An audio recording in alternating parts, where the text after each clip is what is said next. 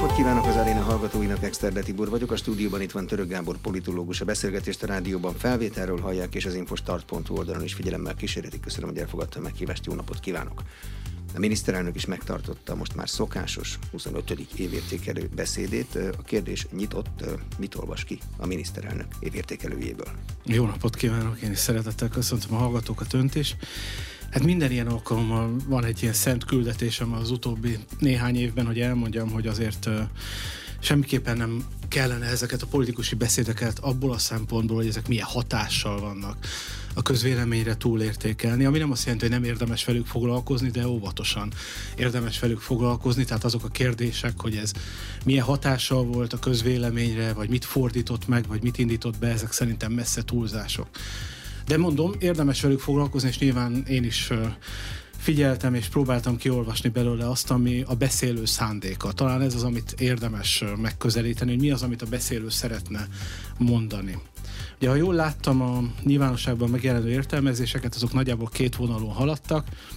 Szokásos vonal, az egyik arról szólt, hogy tartalmazott-e újdonságot, vagy nem tartalmazott újdonságot és láttam kollégáimat, akik arról beszéltek, vagy vitatkoztak, hogy jó formában volt-e a miniszterelnök, vagy pedig erőtlen volt a beszéd. Szerintem ezek érdektelenek. Ami érdekes az az, hogy mit árul el a beszéd a beszélő politikai stratégiájáról.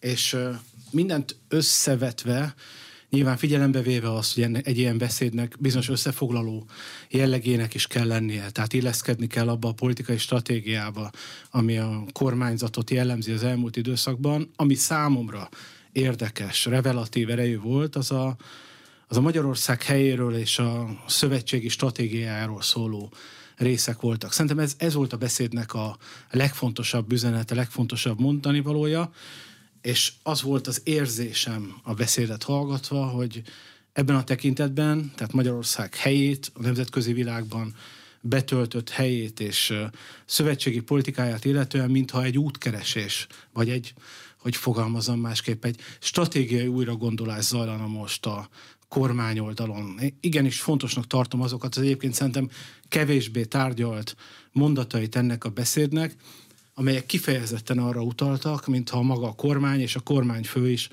egy ilyen stratégiai, új, stratégiai újragondolkodásban lenne. Bocsánat, a NATO-val kapcsolatban, mert a miniszterelnök azt mondta, hogy tisztázzuk, Magyarországnak érdeke, hogy a NATO tagja legyen, mert ott vagyunk, ahol vagyunk. Bejebb Európában lehetne fantáziálni arról, hogy mint Ausztria, meg mások, stb., de itt nem. Ez elég világos, nem? Igen, és ezek a mondatok ebben a formában szerintem korábban nem jelentek meg. Tehát az egyik valóban az volt, ami arról szólt, hogy Magyarország a nyugati világ része, hogy Magyarország NATO tagsága az létfontosságú Magyarország számára, és volt egy mondat, amit ki is írtam, és fontosnak tartom felolvasni, a megengedi. Azt mondta a miniszterelnök, hogy stratégiai célokban nyugati szövetségeseinkkel teljes az egyetértés, abban az értelemben, hogy Oroszország ne jelentsen fenyegetést Európa részére, és hogy legyen egy szuverén Ukrajna, egy pufferként Oroszországot Magyarországtól elválasztó szuverén Ukrajna. Ráadásul nagy szuverén Ukrajna. Így, van, így is mondtam. Így van, így van. Na most természetesen a beszédben volt egy csomó, ami a ami erről eltereli a figyelmet, ezekről a mondatokról, a Brüsszelt megvető bátorságról, arról, hogy Brüsszel megpróbálja kiüríteni a kincstárunkat, meg hogy azt a pénzt is, ami minket illetne, azt majd a végén Ukrajnának fogja adni. Ezeket én Nyilván fontos minden egy beszédben, de azért politikai kommunikációs szempontból lényeges mondatoknak tartom, de a politikai stratégiát illetően, amiről most próbáltam beszélni, azt tartom igazán fontosnak. És miután ezek ilyen formában korábban nem hangzottak el, persze lehetne példát találni ezek egyikére vagy másikára néhány kormányzati megszólaló esetében, én bátorkodom azt kijelenteni, hogy szerintem igenis a, a magyar kormány fő, és nyilván a magyar kormány is fontolgatja azt, hogy, hogy a szövetségi politikájában, a szövetségi politikájának eddigi formáján és irányán, vagy legalább a hangsúlyai ne változtasson-e. És mintha ez a beszéd egy lépés lett volna abba az irányba. De akkor is, hogyha csak tényeket közölt a miniszterelnök, például a NATO-ról azt mondta, hogy az egy védelmi szövetség. Abban mindenki egyetért, hogy támadás esetén védekeznünk kell. De háborúba, aki megy, az megy, aki meg nem megy, az nem megy. Ezek tények. Nyilván, de nagyon sok tényt ki lehet emelni, és az, hogy min van a hangsúly, nyilván ez persze megint a, lehet, hogy belelátás, vagy inkább a, az elemzőről mond el többet, mint, a, mint magáról a beszélőről, de azt még egyszer ad ismételjem meg, hogy nekem meggyőződésem, hogy ezek voltak a beszédnek a kulcsmondatai, ezek voltak olyan hangsúlyosak és olyan olyan figyelemfelkeltőek, vagy annyira, annyira meglepőek, vagy, vagy újdonságot jelentőek, ami miatt szerintem érdemes ezt a beszédet egy apró, de fontos lépésnek tekinteni az Orbáni politikában. De kinek szólhat a beszéd? A miniszterelnök nyilván tisztában van azzal, hogy minden megmozdulását külföldön egyrészt megértik, másrészt kontextusba is tudják helyezni, mert elég régóta dolgoznak velünk együtt, vagy dolgozunk együtt. Nekik szól, vagy nekünk szól?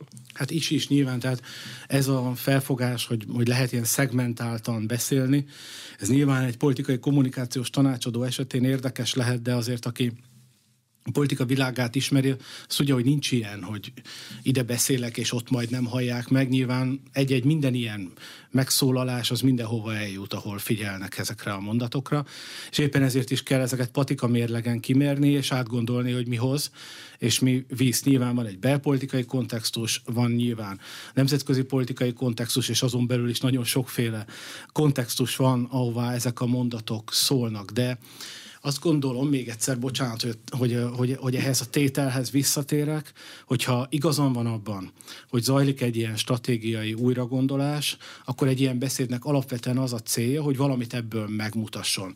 Nyilván elsősorban nem a magyar közvéleménynek, de a magyar közvélemény szempontjából is fontos az, hogy a kormány valóban gondolkozik azon, hogy hangsúlyváltásokat tegyen vagy akár erősebben is lehet fogalmazni irányváltást ebben a kérdésben, akkor az nem egyik napról a másikra mehet végbe. Az az érdekes, vagy az az igazán jelentős kérdés, hogy ennek a beszédnek lesz-e ebben az értelemben folytatása. Ha végig tekintünk egyébként 2023-ra, amely ugye Magyarország szempontjából egy választásmentes év, akkor azt láthatjuk, hogy ebből a szempontból, tehát a magyar kormány nemzetközi stratégiája szempontjából a legfontosabb időszak valamikor ősszel jön majd el. Azért mondom így, hogy valamikor ősszel, mert a pontos időpontot nem tudjuk még, a lengyel választásokkal. Szerintem ez a ez az újragondolásnak a végpontját, vagy egy fontos állomását jelentheti majd, hogy mi történik Lengyelországban. És ha igazán érdekes, hogy valaki feltenni azt a kérdést, hogy na de miért gondolom én azt, hogy, hogy szükség lehet ilyen, ilyen, ilyen újragondolkodásra, vagy ez ennek a nemzetközi politikának, kapcsolatrendszernek, irányváltás, irányoknak az újragondolására, az pedig nyilvánvalóan az, hogy, hogy Magyarország a céljait láthatóan nem nagyon tudja elérni abban a abban a stratégiában, vagy azzal a stratégiával, amit most a nemzetközi, környe, a ne, nemzetközi környezetben, szövetségi rendszerben visz. Akkor tudna Magyarország sok terhet levenni a válláról, hogyha meggyőződésem, hogyha egy ilyen típusú irányváltásra sor kerülne, és lehet, hogy még egyszer ezt én belelátom, beleolvasom ebben a, ebbe a beszédbe, de nekem úgy tűnik, hogy ezzel a realitással a kormány fő is tisztában van, és számomra ez a beszéd ezt üzente. Ez egy reálpolitikai megszólalás volt, a korábbi hang hangsúlyok máshova kerültek ebben a beszédben. Mekkora lehet a mozgástere a miniszterelnöknek, ha elfogadjuk egy lehetséges forgatókönyvként a szövetségi rendszerünk stratégiai újragondolását? A nato azt azért fixre vesszük, ahogy a miniszterelnök mondta?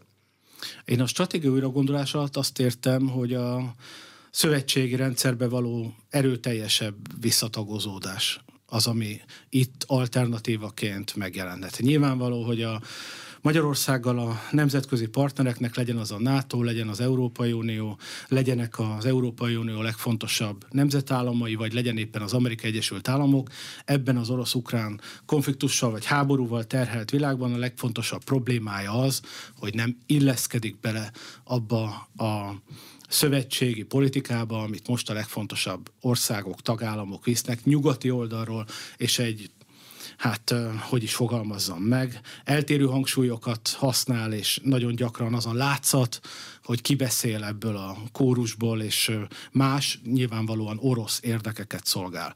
Alternatívaként az merülhet fel nyilvánvalóan, hogyha ezeket a ezeket a kételyeket, ezeket a kétségeket Magyarország egyértelműen megcáfolná. Mi az alternatív lehetőség? Hát az, hogy a politikai kommunikációban és a politikai cselekvésben is egy új stratégiát kövessen Magyarország.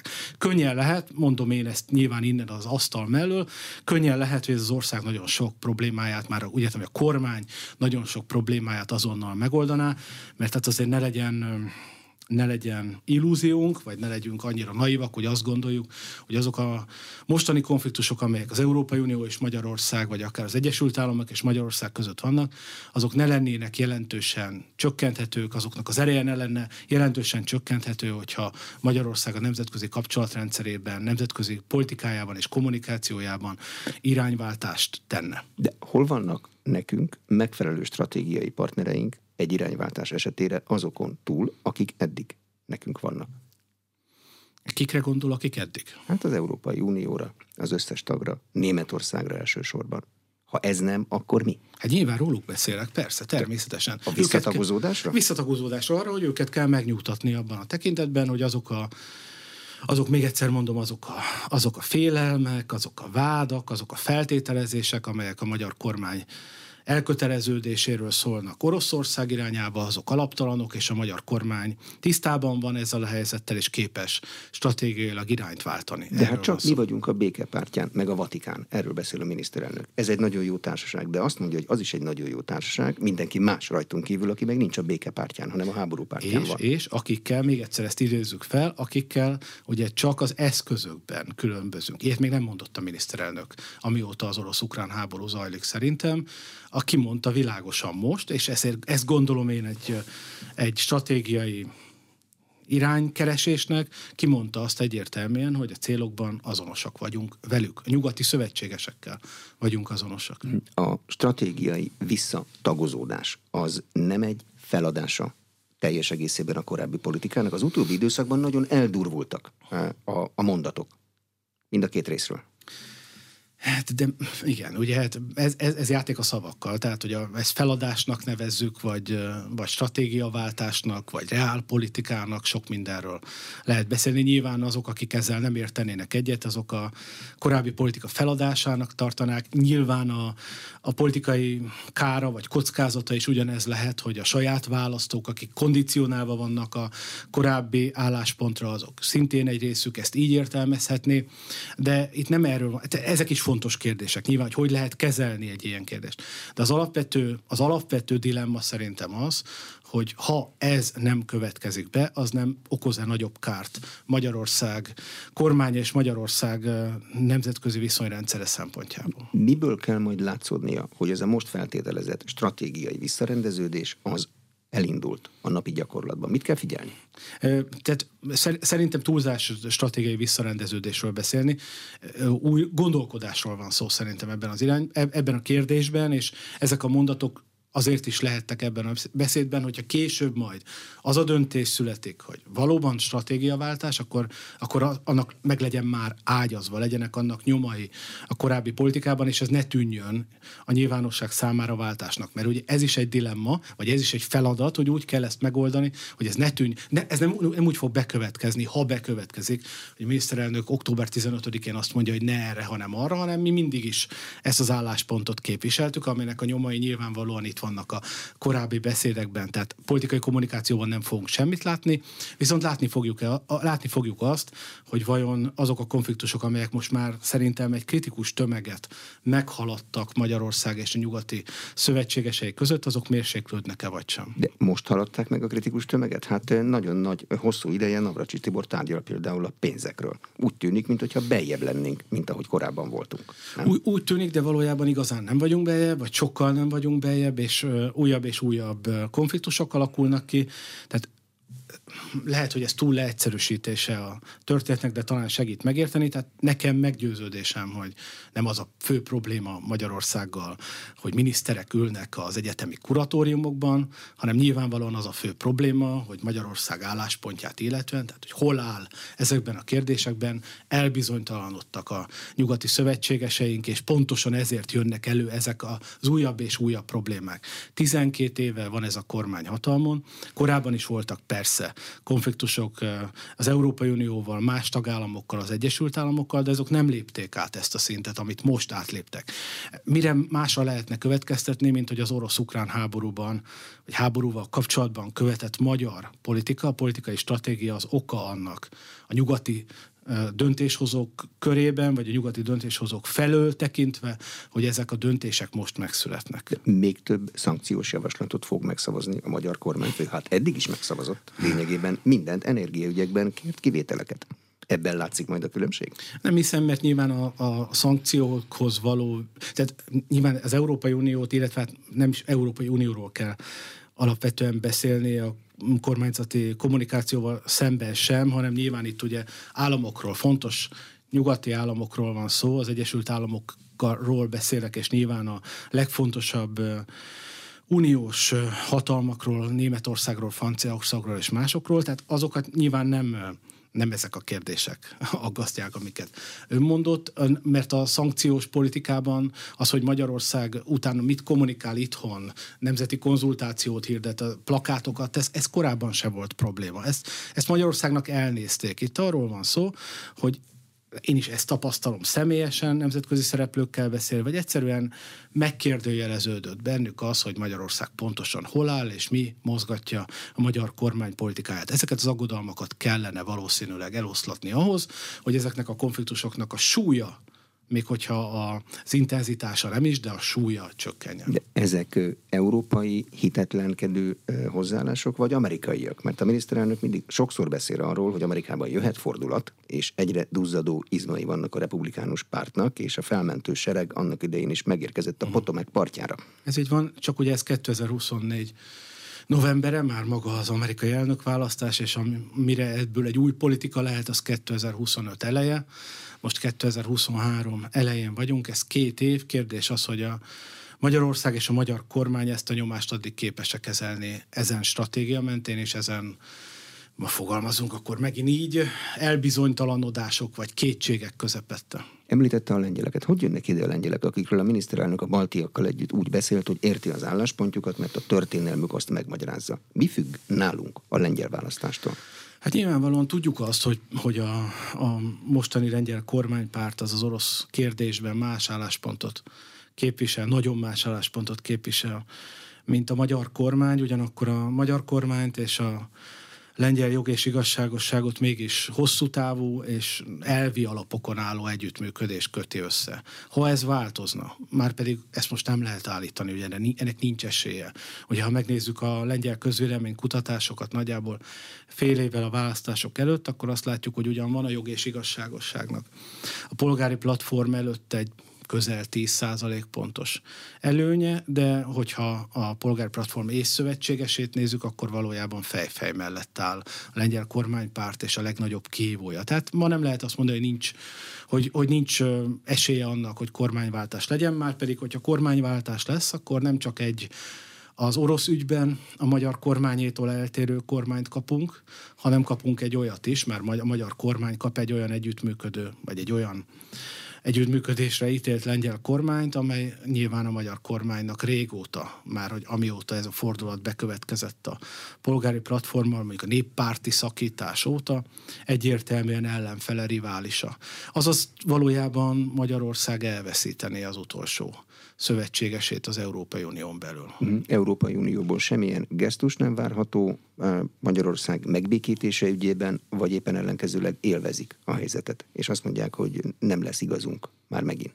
Én nem hiszem, hogy, ugye persze megint nagyon nehéz így beszélni, hogy az Európai Unió, ezt hadd mondjam el újra, tehát ez kormányzati kommunikációban rendben van, de nincs ilyen, hogy az Európai Unió. Az Európai Unió lényege nyilván az, hogy a tagállamok sokkal fontosabbak, mint a sokszor megénekelt uh, a vezetők, hiszen nyilván a brüssz, brüsszelit a vezetőknek a legitimitása alapvetően az a tagállami döntésektől függ, és addig marad, amíg ezek a tagállamok ott állnak mögötte. Tehát a szuverenitások közösítése ellenére, és azért az Európai Unió jelenlegi formájában mégiscsak nemzetállamok szövetsége, és ott nagyon sokféle vélemény meg döntés van, és ezért nehéz is ezt most megmondani, hogy mi lenne ez a, a fő iránya ezeknek a, a véleményeknek, de én azt gondolom, hogy nem arról van szó, hogy örülnének annak, hogyha Magyarország kitartana a jelenlegi álláspontja mellett, és továbbra is egy ilyen pária státuszban lenne tartható. Hát nem ez a cél. Nyilván a cél az, hogy a kórus az egybeforjon, és hogy Magyarország is visszatérjen, és ezek a biztonsági aggodalmak, ezek a kockázatok, amiket hogyha valaki nyugati sajtót olvas nap-nap után, egyre nagyobb mennyiségben lehet olvasni, különböző hivatalos vagy félhivatalos formákban is, tehát azzal kapcsolatban beszéljünk egyenesen és őszintén, azzal kapcsolatban, hogy Magyarország mennyire lekötelezettje az orosz politikának, és mennyire Oroszország irányítja különböző formákban és módokon a magyar politikát, hogyha ezek, a, ezek az aggodalmak, ezek, ezek, ezek eloszlathatóak lennének. Szerintem ez lenne nyilvánvalóan a, az alapvető cél nyugatról, és hát miért az lenne jó nekik, hogyha ez a jelenlegi helyzet állandósít. De az a kérdés ilyenkor fölmerül, hogy akkor mivel fogunk fűteni, ha nincsen megfelelő megállapodásunk Oroszországgal? Mint amilyen másoknak is szokott lenni, amik kivéve, amikor fölrobbantják a vezetéket. Hát ugye azért nem csak Magyarország van ebben a helyzetben, és ezt az el, elmúlt időszakban láttuk, hogy voltak olyan országok, amelyek, amelyek szintén nagyon jelentősen kitettek a, a, az orosz energia, külön, külön, az orosz energiafüggőségük, ha nem is annyira, de jelentős mértékben hasonlít a magyarhoz, és azokkal kapcsolatban, hát csak Bulgáriára gondolunk, persze permanens kormányválságok megy keresztül, amelyek egyébként nem függetlenek, nem teljes mértékben függetlenek ettől a konfliktustól, vagy ettől a háborútól és annak nemzetközi környezetétől, de még sincs ez a, ez a nyugati aggodalom. Tehát valahogy meg tudják oldani ezt a kérdést úgy, hogy egyébként Bulgáriával kapcsolatban nem merülnek fel ezek a nemzetközi félelmek. Nem, nem ő áll a célkeresztjében ezeknek a cikkeknek, írásoknak, politikusi megszólalásoknak. Tehát azt gondolom, hogy, tehát, mert ugye innen indult az önkérdése, hogy van-e mozgástér. Szerintem van. Szerintem be tudná, ha akarná, nyilván nem, tehát nem arról van szó, ha akarná, szerintem a magyar kormány be tudná bizonyítani, hogy ezek a félelmek alaptalanok, csak akkor valóban ahhoz azt is bizonyítania kellene különböző lépésekkel, hogy nem az oroszok fogják a kezét, már abban az értelemben, hogy nem is fogják le a kezét, és valóban van mozgástere. Ez, ez egy nagy, nagy, nagy kísérlet, vagy egy nagy bizonyítás lehetne. Ez valamiféle durva bizonyítás? Tehát ezt csak úgy lehet megcsinálni, hogy Magyarország a maga méretével tisztában léve neki menj az oroszoknak? Nem, nem hiszem, nem, nem hiszem, hanem azt gondolom, hogy azokban a fontos kérdésekben, ahol, ahol vétót lebegtet be, ahol a különállását hangsúlyozza, ahol a diplomáciai lépései azok eltérnek az Európai Uniós mainstreamtől, ott ha ezek megszűnnének, akkor nyilvánvalóan ezzel bizonyítani lehetne azt, hogy ezek a félelmek alaptalanok. Én nem azt mondom, hogy ezt kell tenni, én azt állítottam már a beszélgetés elején is, hogy szerintem ez a kérdés, hogy nem kellene változtatni az eddigi nemzetközi politikán Magyarország helyét és stratégiát illetően, ez most szerintem az asztalon van. Mennyire befolyásolja a magyar kormány álláspontját a Kárpátalján egy háborús országban élő magyarok sorsa, helyzete? Hát remélem, hogy jelentős mértékben, és azért a tapasztalat is azt mutatja, hogy jelentős mértékben.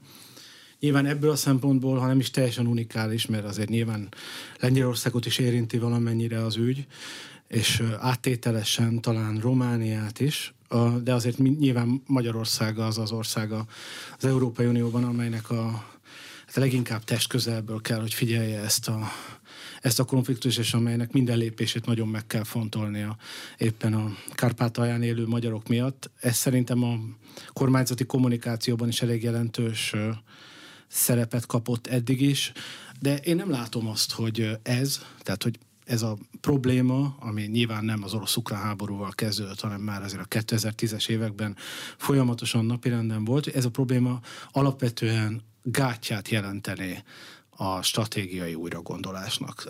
És azt gondolom, hogy ezt senki nem is gondolja így, hogy Magyarország attól, hogy egy külön nemzeti feladattal rendelkezik Ukrajnát illetően, és nyilván más szomszédos országokat illetően is, az megakadályozná abban, hogy a szövetségesi politikájában visszább lépjen, vagy jobban visszatérjen a, ahhoz a kórushoz, ahhoz a nemzetközi szövetségi rendszerhez, amelynek egyébként maga is a tagja. Én azt gondolom, hogyha az a feladat, de most már tényleg ezt sokat szóra járom körül, de hogyha az a feladat, hogy bizonyítsa Magyarország az, hogy a különutas politikája az nem egy Oroszország által irányított politika, és valójában nem is abban az értelemben különutas, ahogy ezt most néhány nyugati szövetséges megkérdőjelezi, vagy ahogy erről gondolkodik, akkor ebben nem jelentene problémát az, hogy egyébként Magyarországnak figyelnie kell arra is, hogy mi történik Kárpátaljával. Azt mondta a miniszterelnök, hogy felveszik a harcot az infláció ellen az év végére egy számjegyű lesz, és azt kérte, hogy bízzanak benne. Korábbi beszélgetésünkben a négy nagy kihívás közé sorolta a kormány helyzetét. Például itt van az infláció, meg a gazdasági helyzet. Mekkora ereje lehet egy kormánynak ebben a helyzetben? Itt az a kérdés, hogy hogy mit gondolunk arról, hogy egy kormányzati politika az milyen mértékben képes hatni az inflációra. Tehát, és ez a kérdés fordítva is igaz, tehát amikor azt kérdezzük, hogy vajon miért lett magas az infláció, akkor abban mondjuk Európában miért ilyen ranglista vezető a magyar infláció, akkor abban mekkora szerepet tulajdonítunk a kormánynak, és ez nyilván, ha majd elkezd csökkenni az infláció, akkor is fölmerül ugyanez a kérdés. Szerintem természetesen a politikai kommunikációban mindent lehet, de, de hogyha az igazsághoz próbálunk közelíteni, akkor azt gondolom, hogy ez egy nehezen tartható állítás, hogyha azt mondjuk, hogy az infláció elszabadulásában a kormánynak semmi, köze nincs, ugyanakkor majd a kormány letöri a magas inflációt. Ezt azt gondolom, hogy ez kevésbé hihető, vagy kevésbé racionális magyarázat. Én azt gondolom, hogy, hogy, hogy nyilván a kormányoknak van valamekkora szerepük abban, hiszen a gazdaságpolitikai lépésekkel sok mindent befolyásolhatnak. Tehát valamekkora szerepük van abban, hogy alakul az infláció, de nyilván amikor arról beszélünk, hogy az infláció majd év végén egy számjegyű lesz, akkor azt gondolom, hogy ez inkább egy kalkuláció, egy prognózis, ami a legtöbb európai országban magától be fog következni. Most a magától alatt nyilván nem azt értem, hogy a kormánynak semmi köze nincs hozzá, de hogy egy, egy reális, könnyen elérhető cél. Tehát amikor a miniszterelnök erről beszél, akkor én ezt egy egy ügyes politikai húzásnak gondolom, tehát a, nyilván érdemes arról beszélni, hogy majd a, tudom, egy hét múlva már az ár visszahúzódik, mert az ár magától visszahúzódik, amikor azt mondjuk már most a, a, a víz áradatról beszélve, és amikor azt mondja a miniszterelnök úr, hogy hogy valamikor az év végére egy számegyű lesz az infláció, akkor azt gondolom, hogy ez sikerülni fog. Elérni minden, minden prognózis ezzel kapcsolatban hasonló módon fogalmaz. Hogy ebben mennyi lesz tehát a kormányzati szerep, vagy a kormányzati e, munka, azt szerintem érdemes úgy megválaszolni, hogyha közben azt is látjuk, hogy egyébként a magas inflációban mekkora volt. Tehát nincs kockázata kormányzat szempontjából, mert nagyon nagy valószínűséggel megvalósul. Így van. E, ellenzék. Az ellenzéki oldal is tartott országértékelőket, nem mindenki nevezte így. Gyurcsány Ferenci volt a legfontosabb már az ellenzéki oldalon betöltött méretéből adódóan? Ha engedjék meg, hogy itt is egy, egy régi veszőparipámmal kezdjem, mielőtt az ellenzékről elkezdünk beszélni. Tehát nyilván politikai elemzőnek kell foglalkozni ma is a, az ellenzékkel, pontosan azért, mert könnyen lehet, hogy hogy előállhat egy olyan helyzet, amikor a mainál jelentősebb politikai szerepük lesz, de azért ha a mostani Orbán rendszerre, politikai rendszerre tekintünk, akkor azt látnunk kell azért, hogy az ellenzék ebben a rendszerben egy, egy viszonylag jelentéktelen és szerintem a kormányzat politikájára veszélytelen szereplő, ami azt is jelenti, hogy lehet figyelni azt, ami történik, de nagyon komolyan nem érdemes venni. A politikai elemzés szempontjából nagyon ö, mély ö, elemzéseknek alávetni a, az ellenzék jelenlegi állapotát szerintem annyira nem érdemes, érdekes. Ugyanakkor nyilván az ellenzék belső viszonyai izgalmasak lehetnek, és hogyha ezeket a ezeket az ellenzéki évértékelőket az ember meghallgatta, akkor valójában az köszönt vissza, amit egyébként is látunk az ellenzékkel kapcsolatban. Ha a legfontosabbakat ki kellene emelni, akkor egyrészt azt, hogy amit itt is itt már sokszor mondtam, hogy olyan, hogy ellenzék, az továbbra sincs Magyarországon, ellenzékek vannak egymással harcoló, jól felfogott érdekekkel rendelkező szereplők, akik nyilván egyre komolyabb szeretet próbálnának az ellenzéki tortából maguknak kiasítani, de nyilván, vagy nem nyilván, de a jelenlegi helyzetben nem sok esélyük van arra, hogy azon túlmenően növekedni tudjanak. Látni lehet azt, hogy a 2022-es választás az erősen megingatta az ellenzéket abban a hitében, hogy az a jó politikai stratégia, választási stratégia, ahogy a 2022-es választáson indultak. Ezért bár a választási rendszer kényszere nem változott, de mégis mindenki most mintha egy a másiktól távolabb húzódó, a saját helyzetét középpontba állító, valami fajta szinte már-már csodavárásos stratégiában hinne, ami nagyjából úgy szól, hogy majd lesz egy domináns szereplő az ellenzéki oldalon. Gyurcsány Ferenc beszéde szinte egészében erről szólt. De dolgoznak is rajta, ülnek át a képviselők folyamatosan országszerte. Igen, csak nem úgy lesz egy párt domináns szereplő az ellenzéki oldalon, hogy a képviselőket elszipkázza, hanem akkor, hogyha ha, ha az ellenzéki szavazótábornak a többsége a jelentős többsége mögött áll, és ugye ez nem a 2022-es ellenzéki számokat illeti, mert hogyha ez két millió alatti, akkor az még mindig esélytelen arra, hogy valaha is választásokat nyerjen. Tehát egy egy, egy, egy ellenzéki dominanciát azt úgy lehetne elképzelni, hogy valaki valóban növekedni is tud, az ellenzéken belül is, de nyilván a, a teljes társadalmon belül is, és megközelíti valamennyire legalább a kormányoldalnak a támogatottságát. De bocsánat, egy 20 éve dolgozó szocialista képviselőt bárhol vidéken nem fog követni a szavazó, ha átül a DK-ba? Hát azért 20 éve képviselő, ott mert valamit jól csinál egy szavába kerül, nem? Hogy akkor legyen egy DK-s tömeg mögötte. Nem így De, működik? Hát látjuk ennek nyomait, tehát hogy a DK olyan jelentősen erősödött volna a választások óta a közvéleménykutatásokban. Nyilván persze most ezt nehéz jól mérni, meg talán majd a jövő évi európai parlamenti választáson többet látunk ebből, bár nyilván az alacsonyabb részvételű választás lesz, bár ez ugye most azzal, hogy az önkormányzati választásokkal egy időpontban tartják, talán még nem is lesz igaz, akár el is érheti az 50% ot a, a részvétel, tehát akkor talán egy reprezentatívabb, vagy vagy informatívabb eredmény lehet, de azért amit most látunk, az, hogy a, a DK számai minimálisan erősödtek a választás óta, ezt szerintem nem igazolja azt, amit ön mondott, hogy azáltal, hogy elszipkázunk ellenzéki politikusokat, azzal egyben szavazótábort is tudunk növelni. Lehet, hogy csinálják? Hát, Mi az értelme? Hát nyilván az ellenfeleknek a gyengítése. Hát Tehát onnan kiveszek egy kádert, akkor az automatikusan gyengébb lesz? Hát hogyha sokat kiveszek egy idő után, akkor nyilván ezeket a pártokat lehet még inkább elgyengíteni, bár azt gondolom azért itt már itt már, itt már olyan partnerekről beszélünk, akár a szocialista pártra gondolok, akár a párbeszédre, akik egyébként is azért a végóráikat élik, az, még az ellenzéki táboron belül is, és számukra könnyen lehet, hogy 2024 az, az egy nagyon utolsó állomás lesz, vagy az utolsó állomások egyike az európai parlamenti választás.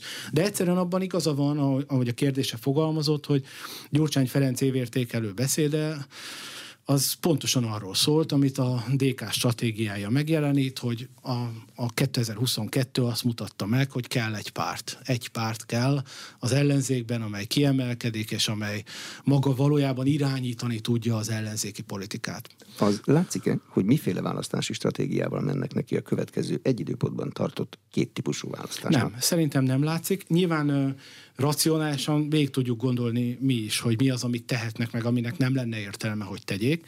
Tehát az önkormányzati választáson, hogyha az ellenzék külön-külön fog indulni, akkor az nyilván egy teljesen öngyilkos politika, és még egy gyengébb vagy gyengülő Fidesz is könnyedén sokkal nagyobb győzelmet aratna, mint bármikor korábban az önkormányzati szintéren. Tehát nagy valószínűséggel az, amit most látunk, ezt a kartcsörtetést az ellenzéki táborban, a a feszültségnek a növekedését és az üzengetéseket. Ezt egy pontig lehet majd elvinni, és aztán az ellenzéknek majd el kell kezdenie megállapodásokat kötni a fővárosra, a megyei városokra, legalább ezekre, ahol esélye lehet nyerni ezekre vonatkozóan.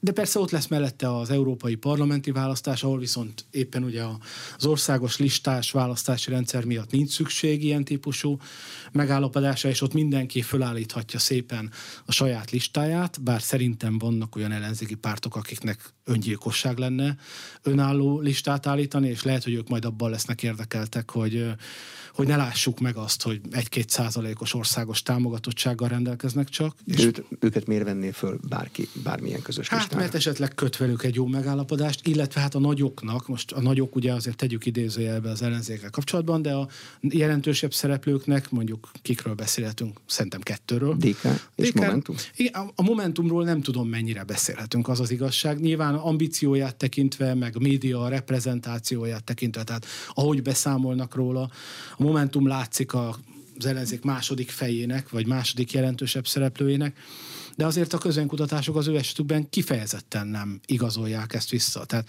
az előbb azt mondtam, hogy a DK olyan sokat nem növekedett, hát a Momentum inkább visszaesett a 2022-es választások óta. Legfeljebb annyiban tér el a Momentum helyzete, mondom még egyszer a, az LMP-től vagy a Jobbikétól, hogy hogy, hogy legalább mintha ők tenni, próbálkoznának, illetve az ellenzéki oldal sajtója, az ellenzéki oldal véleményvezérei, azért őket még mindig felülértékelik az ellenzéki táboron belül. Tehát talán a DK és a Momentum valóban. Tehát a DK biztosan és talán a Momentum lehet ez a két fontosabb szereplő, akiknek meg az lehet az érdekük, hogy, hogy szokták mondani, tisztuljon a terep, kevesebb legyen a szereplő. Ez, ez, ez, is elhangzott legalábbis áttételesen mindenképpen mind a két ellenzéki évértékelőben.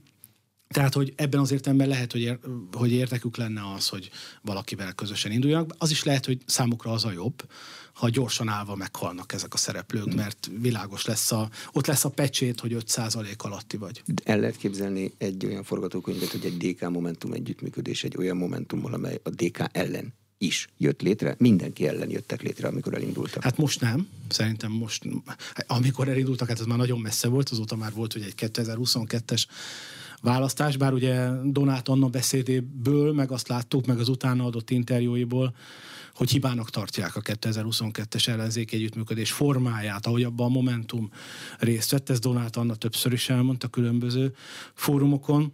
Csak akkor még mindig itt a kérdés, hogy jó, rendben, tulajdonképpen nem is a 2024 az érdekes, hanem akkor 2026-ban majd ez a két párt külön indul. Nyilván nem indulhat külön, a mai tudásunk szerint, vagyis ha megteszi, az garantáltan egy újabb biztos Fideszes győzelmet jelent a mai támogatottsági adatok között. Tehát én ezért mondom azt több helyen is, ami lehet, hogy az ellenzék számára hát talán nem olyan nagyon lelkesítő, de azért, ha őszintén belegondolunk, akkor jelen formájában a magyar kormány helyzetét az ellenzék semmilyen módon nem tudja megingatni. Ezért mondom a veszélytelen jelzőt. A kormányal sok minden történhet, akár saját hibájából, akár külső okokból, akár egyszerűen a, a támogatóknak a lassú és fokozatos eróziójából meggyengülhet jelentősen, de ezt nem az ellenzék fogja el. Ez ellenzék nem fogja tudni elérni, ezért mondom azt, hogy, hogy talán ezek a belső problémák, amik jelentősek, nem is annyira érdekesek. Amikor egy kormány meggyengül, akkor a szavazói, ha nincs alkalmas ellenzék, akkor otthon maradnak? Hát ugye ez, a, ez az érdekes dolog. Hát látjuk azt a szinte minden fontosabb közvéleménykutatónál, a tavalyi választás óta nagyon jelentős lemorzsolódás, vagy elbizonytalanodás volt megfigyelhető a kormány oldalon. Most persze nehéz ezekről a közönkutatásokról úgy beszélni, hogy, hogy, hogy nem tisztázunk pontosan, hogy melyekről beszélek, és mekkora hitelt adunk nekik, de még a kormány oldalhoz közelebb álló kutatóintézetek adataiból is világosan látszik, hogy nem kevés szavazó, aki 2022-ben még a Fidesz mellett volt, ha ma lennének a választások kérdésre, már nem a Fidesz mondja, de nem mond újabb. Ezek a szavazók nem mondanak ezekben a kutatásokban mást. Nem mondják azt, hogy ellenzékhez mentek volna el, hiszen az ellenzék számai összességében hibahatáron belül hibahatáron túl, bocsánat, nem növekedtek a választások óta. Tehát úgy ment el jelentős számú, több százezer szavazó a Fidesztől, hogy ez a szám nem jelent meg sehol. Persze ez nyilván mindig így történik, azt feltételezhetjük, hogy először a szavazó elbizonytalanodik, majd, a, majd keres magának egy alkalmas ellenzéki pártot. De az eddigi tapasztalataink alapján, és ez nem a 2010 előtti, hanem a 2010 utáni tapasztalataink, én nagyon óvatos lennék abban a kérdésben, hogy vajon ez így tényleg ahogy ez máskor meg szokott történni, meg nyugat-európai politikai rendszerekben látjuk, hogy az inga leng, meg odaleng, aki innen elmegy, az majd egy idő után oda megy. Szóval hogy ez itt is így történik el. Múltkor is mondtam ezt önnek, hogy szerintem Magyarországon az inga ki van kötve, és ez a típusú mozgás ez nem fog bekövetkezni.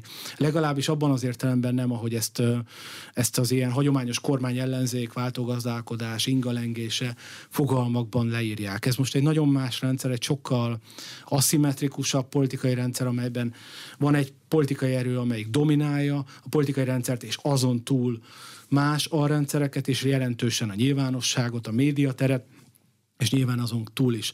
A gazdasági rendszert ebben, a, ebben nehezen tudom azt elképzelni, hogy, hogy, hogy azok, akik 2022-ben a Fideszre szavaztak, ma már nem szavaznának a Fideszre, azokat szépen majd egy idő után hozzáírhatjuk valamelyik ellenzéki párthoz. Miért most indul országjáró körútra Dobrev Klára, aki nem a pártelnöke, hanem a miniszterelnök jelöltje volt, de végül mégse ő lett a közös miniszterelnök jelölt. Nincs még nagyon messze egy következő választás.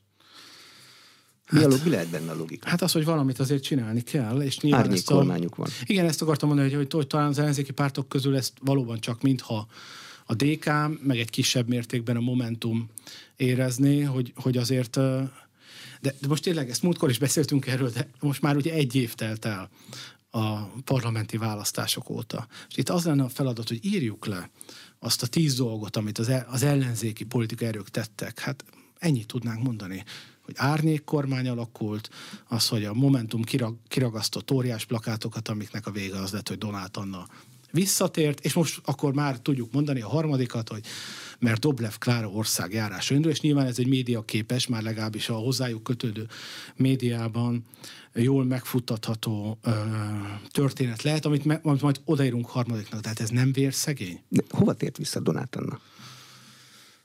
Hát nyilván ö, a világos, tehát a kérdés arra vonatkozik, hogy nem lesz formális vezetője a Momentumnak, de hát egy informális vezetőként, vagy egy 2026, 2026-os ellenzéki döntő, most akkor még csak beszéljünk erről, egy momentumos miniszterelnök jelölti pozícióba szerintem ő vissza van térve, talán el, el sem ment ebből a pozícióból sohasem. De mire való egy momentumos miniszterelnök jelölti pozíció? Hogyha azt megjelöli, akkor az lök valamit az ellenzéki esélyeken? Nem, de a, a, a, a, nyilván nem tudjuk, így, hogy ellenzéki, ez így nehéz A saját beszélni. esélyeink, de hát arról azt mondtuk, hogy egyedül nincsen senkinek semmilyen esélye. De hát de, de az ellenzéki az ellenzéki, beelnézésre ezt a kifejezést használom, de az ellenzéki homokozóban, vagy mókuskerékben, ezeknek mégis van jelentőségük. Tehát azért nehéz az ellenzékről beszélni, mert ha kívülről tekintünk rá a politikai rendszer szempontjából, akkor kevésbé releváns, ami történik, de ha csak belül nézzük, egy ilyen zárt rendszernek képzeljük el ezt a homokozót, vagy ezt a mókuskereket, akkor ott azért nagyon is van jelentősége annak, hogy ki hogy áll, mit tesz, mekkora, mit képvisel. Tehát ezek fontos kérdések, és egyébként az ország szempontjából is lehetnének ezek fontos kérdések, ha történik valami a kormányzati stabilitással. De amíg nem történik semmi a kormányzati stabilitással, addig ez messziről tekintve érdektelen, de, köz, de a szereplők szempontjából nem. És nyilván egy ellenzéki politikai erőnek fontos az, hogy, hogy vezetett legyen, és hogy egy olyan személy álljon az élén, akivel a pártot azonosítani lehet. Na most ez a mostani Momentum elnökre nehezen lehetne elmondható. Nem, és nyilván nem akarom őt kiemelni, mert ugyanez igaz szerintem a mai Jobbikra, ugyanez igaz a mai MSZP-re, és a mai párbeszédre is. Talán a, még az LMP, ezt is mondtam legutóbb, itt voltam, talán még az LMP elnöke az, aki ahhoz képest, hogy milyen szerény támogatottsága van a pártjának, jobban azonosítható. Talán többen is ismerik ma már Ungár Pétert, mint az LMP-t, de a többiek esetében nincs igazán politikai vezető. Fontos lehet ezeknek a politikai erőknek, hogy felépítsenek embereket 26-ra, és mondjuk egy Dobrev Klára miniszterelnök jelöltségével szemben legyen a Momentumnak egy Donát Annája, aki majd egy valamilyen formájú ellenzéki miniszterelnök jelölt castingon, előválasztáson össze tudnak mérni, vagy a közénkutatásokban be tudják bizonyítani, és akkor újra visszajön a 2021-es. Gondolja, hogy még egyszer belemennek bármilyen előválasztásba, ahol harmadik szereplő is beszállhat, vagy inkább újabban megírják a szabályokat? Lehet másképp is előválasztást tartani, lehet előválasztást úgy is tartani, hogy valójában, ezért mondtam a casting kifejezést az előbb, hogy a a, csak az ellenzéki politikai testületek döntik ezt el, eldöntheti egy bölcsek tanácsa, ellenzéki bölcsek tanácsa, eldöntheti a közvéleménykutatás, vagy valami fajta irányított formában, ezer módon lehet, de e, az ellenzéki miniszterelnök jelölti előválasztás már tart. Már tart.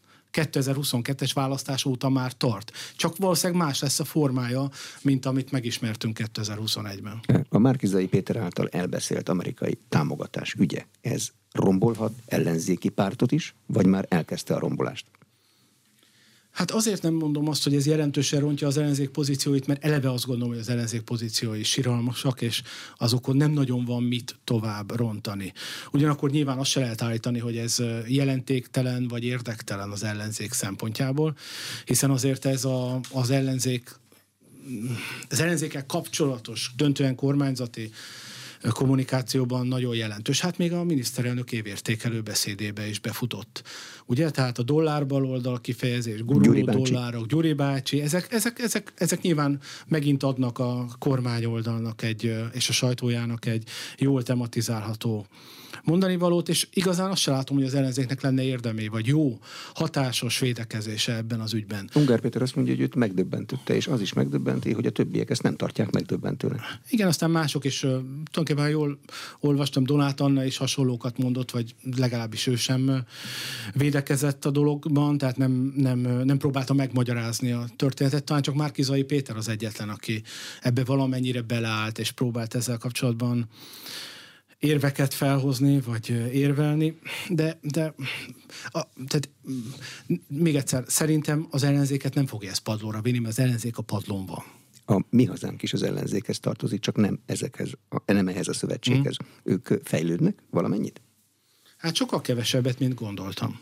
Tehát szerintem a 2022-es választás az, az egy kifejezetten a mi hazánk szempontjából meglepő és sikeres választási eredmény után azt gondoltam, hogy az ellenzék borzalmas helyzetében, válságában a most nevezük ki a baloldali ellenzék, vagy a kormánytól bal, balra álló ellenzék, a korábban együtt induló ellenzék válságában, nekik azért nagyobb játéktér nyílna. De azt se lehet mondani, ez is igazságtalan, azt mondanánk, hogy a mi hazánk nem próbálkozik, mert próbálkozik, vannak, aki figyeli a politikai közleményeket, a, az akciókat, vannak kezdeményezéseik, egyébként szerintem nem is annyira rossz számukra, az ő stratégiájuk szempontjából nem is annyira rossz témákban, de valahogy nem tudnak áttörni. Tehát a, azt gondolom, hogy a mi hazánk ismertsége és kedveltsége az nem sokat növekedett a, a választások óta. Itt megint azért nem csak az én gondolataimról van szó, meg hogy én mit érzek, ha megnézi a kutatásokat, nem következett be. Az, amit egyébként el lehetett volna akár képzelni, hogy a mi hazánk legyen a legnagyobb ellenzéki párt, itt még nem tartunk. Nagy kérdés lesz egyébként abból a szempontból, amit ön mondott, hogy a, mit, mit, hova mennek azok, akik a Fideszből bizonytalanná váltak, hogy esetleg 2024-ben nem látunk egy lényegesen meglepő és jobb mi hazánkos szereplést, pont azért, mert lehet, hogy ezek a szavazók könnyebben választanák a mi hazánkot, mint más ellenzéki pártokat. Karácsony Gergely, főpolgármester helyzetét, a mostani gazdasági, költségvetési, meg baloldali ellenzéki politikai helyzetben milyennek látja? Hát nagyon rossznak nagyon rossznak, ugyanakkor azért ez is egy tanulság, tehát már annyiszor elhangzott az a főváros kiéheztetése, a, a, a, a fővárosnak a szakadék szélén táncolása, de nem jött el sosem az a pont, vagy egyelőre még nem jött el, nyilván ez nem azt jelenti, hogy ne jöhetne el, amikor, amikor ennek sokkal húsba vágóbb, vagy kézzelfoghatóbb jelei lennének. Nyilván ez akár el is jöhet, de egyelőre ez, ez nem következett be.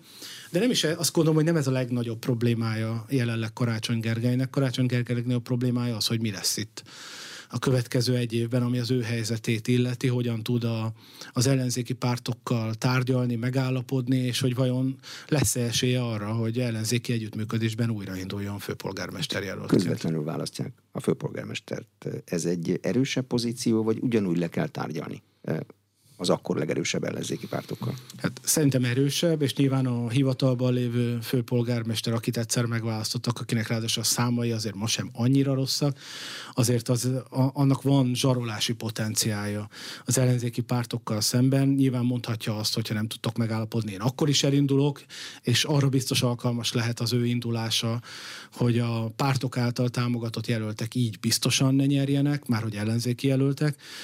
Úgyhogy úgy, Ez fordítva is igaz. Fordítva a közgyűlésben mondhatják, hogy semmit nem engedünk át, amit szeretnének. Persze, abszolút. Ez is. Tehát róka fogta csuka helyzet is lehet belőle nyilván.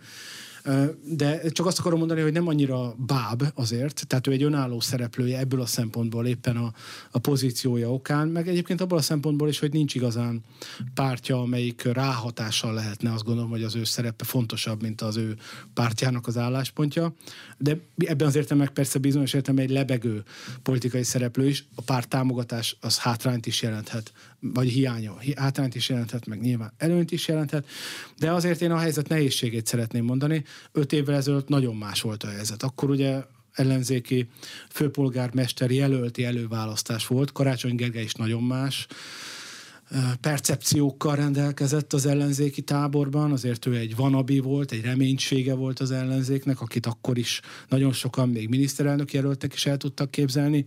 Most azért, azért sebeket kapott politikusról beszélünk, akivel szemben a, az ellenzéki pártok is másképp viselkednek. De leginkább saját oldaláról kapott sebeket. Persze, Tehát az, persze, hogy persze. Ja, így is értem. Persze, így van. Tehát az ellenzéki táboron belüli megítélése jelentősen változott, ami őt erősíti szerintem pont az alternatíva hiánya. Tehát, hogy nem nagyon tudunk olyan politikust az ellenzéki táborban mondani, aki eséllyel venné fel vele szemben a küzdelmet. Illetve hát persze egy kérdés, hogy azok az erős szereplők, akiket meg tudunk mondani, és akiket én az előbb az ellenzéki miniszterelnök jelölti kampány már most résztvevőjének tituláltam, azok vajon mit gondolnak egy főpolgármester jelölti pozícióról, Doblev Kláráról beszélek, de akár egyébként Donát Annáról is beszéltek, vagy más momentumos politikusról. Azt gondolom, hogy a DK-nak és a Momentumnak, ha hihetünk annak, hogy mi az ő stratégiájuk, nem nagy, tehát DK és Momentum, ha hihetünk annak, hogy mi a stratégiájuk, nem nagyon engedhetik meg maguknak, hogy ne legyen saját erős jelöltjük ebben a, legalább ebben a belső versenyben. Köszönöm a tájékoztatást. Az elmúlt egy órában Török Gábor politológus volt az Inforádió arénájának vendége. A műsor elkészítésében Módos Márton főszerkesztő vett részt. A beszélgetést a rádióban most felvételről hallják, és az infostart.hu oldalon is figyelemmel kísérhetik. Köszönöm a figyelmet, Exterde Tibor vagyok.